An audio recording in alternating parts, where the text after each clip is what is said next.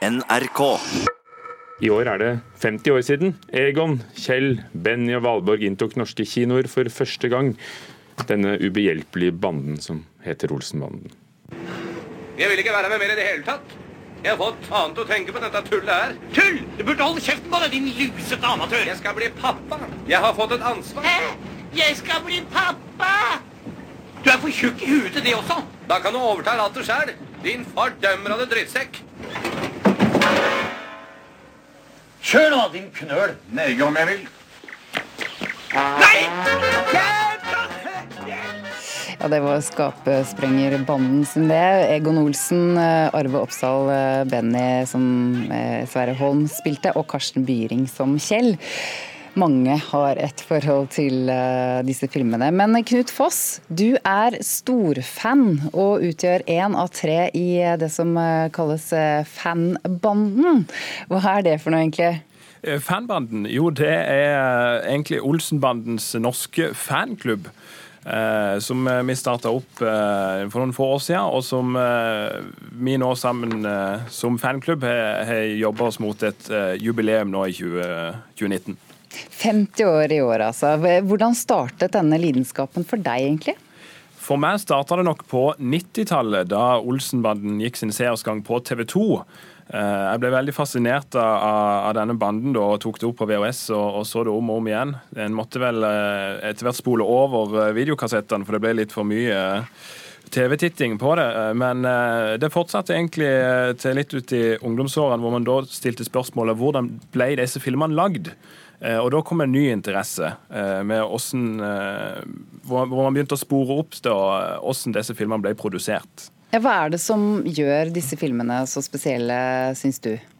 Um, jeg tror det er selvfølgelig karakterer og, og plott. Uh, men, men det at det gjør det spesielt uh, også i dag, er jo eh, hvordan man kan se Oslo forandre seg gjennom eh, 40 år. Eh, fra, fra 1969 til, til, til 1999. Eh, utover det så Eh, så, så, så er det jo det at, det at det har holdt seg populært, tror jeg nok har noe med at det til enhver tid har stått sterkt på en ny plattform. Det gikk jo sin seersgang på kino på, på 70- til 80-tallet. Så kom på 80-tallet VHS-epoken, hvor filmene ble leid ut. Til, til stor suksess, og på 90-tallet var det på TV 2. Og så kom juniorbanden på 2000-tallet.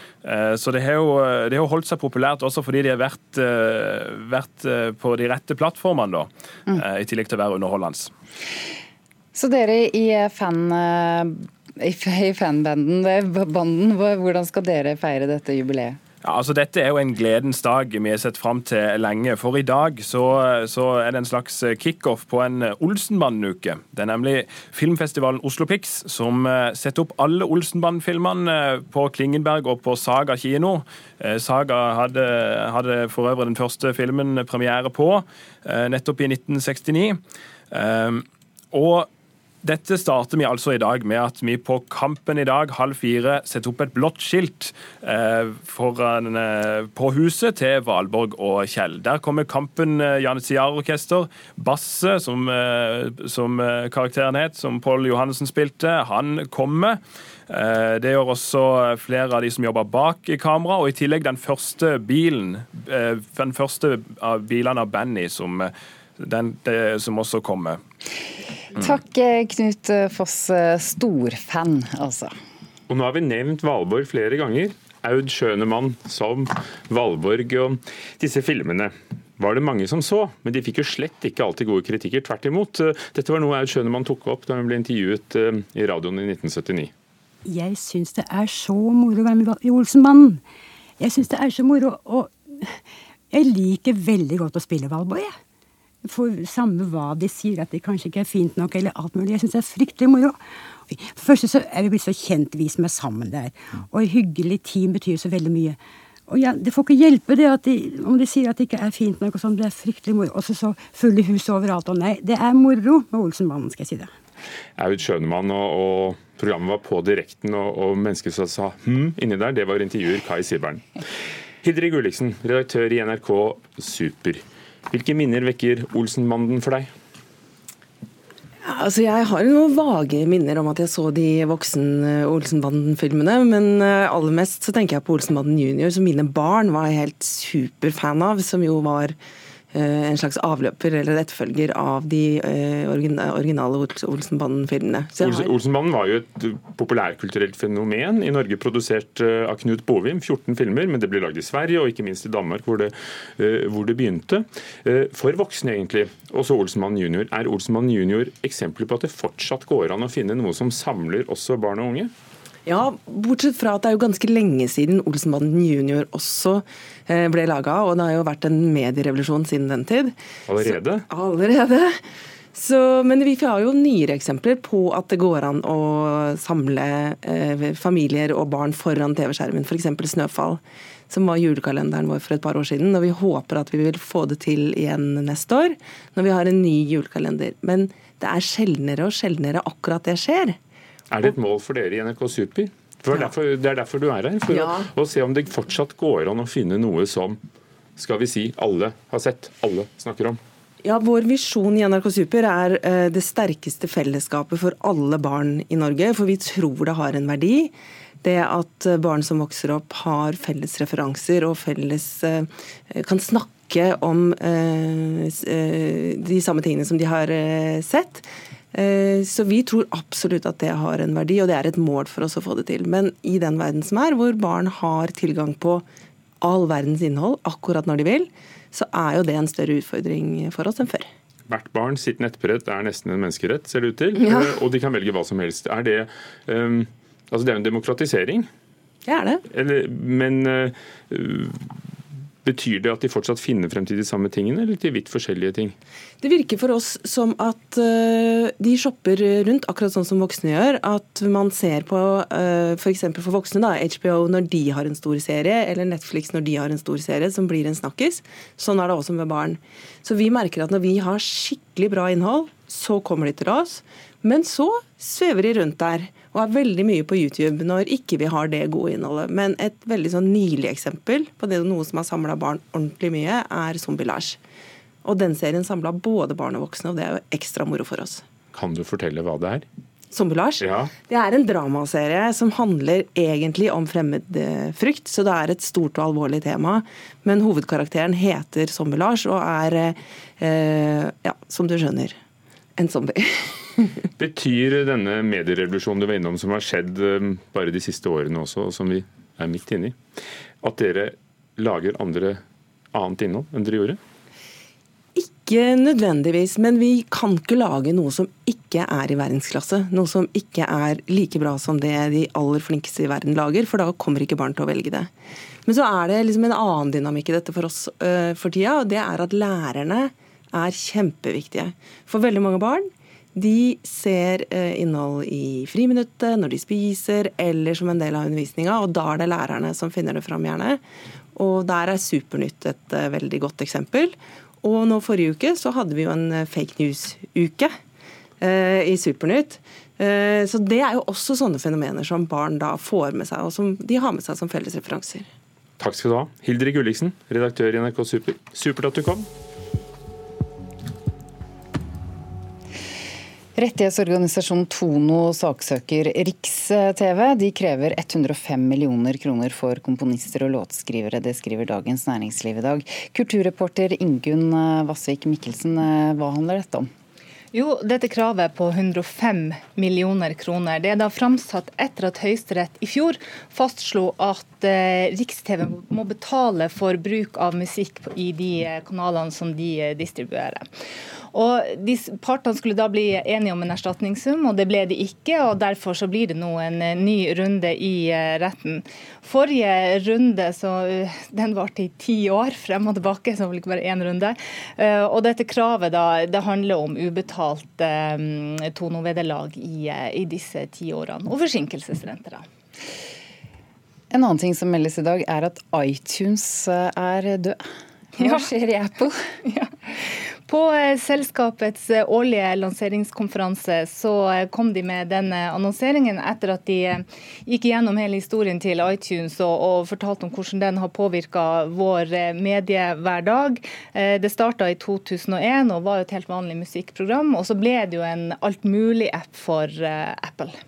Ja, iTunes har rett og slett vært med på å endre måten vi eh, konsumerer ulike kunstformer på. Ja, Den originale iPoden og MP3-spillere gjorde jo at vi begynte å streame musikk fremfor å kjøpe CD-plate og spille det. Og så gikk vi jo da over til å streame eh, eh, podkaster og serier og TV. Og i dag så forholder vi oss jo i mindre grad til sendeskjema og streamer jo det vi har lyst til å se når vi når vi vil eh, se det. Men Apple skal ikke slutte med musikk og film? Nei da. De deler det opp i tre ulike apper, altså musikk, eh, TV og podkast. Men likevel så er ikke bakteppet for den endringen bare positiv for eh, Apple? Nei, Ifølge Aftenposten så har Apple tapt enorme summer for nedgang i iPhone-salget, spesielt i Kina. Og de blir også granska for misbruk av markedsmakt sammen med andre IT-giganter. Takk, kulturreporter Ingunn Vasvik Mikkelsen. Anselm Kiefer er et av de store navnene i tysk etterkrigskunst. Han lager bilder av brent eh, tapet, bly, aske og sæd, og regnes som en av de, de, største i Tyskland etter krigen. Astrup Fearnley-museet i Oslo er kjent for å ha et stort verk av ham fra før av, men mm. nå er sommerens store utstilling er Anselm Kiefer, bøker og tresnitt. Men skal vi begynne, Mona Palle Bjerke, mm. kunstkritiker i NRK, med å si litt mer om ham? Altså, han er 40, født i 1945. Som du sier, altså en kun, veldig viktig etterkrigskunstner i Tyskland som har trådt på nasjonens ømme tær jevnt og trutt. Altså, det ligger jo i tysk etterkrigskunst en frykt for nasjonens nære historie, forståelig nok. Og han holder på en måte dette historiske skisma åpent som et sår som ikke får gro.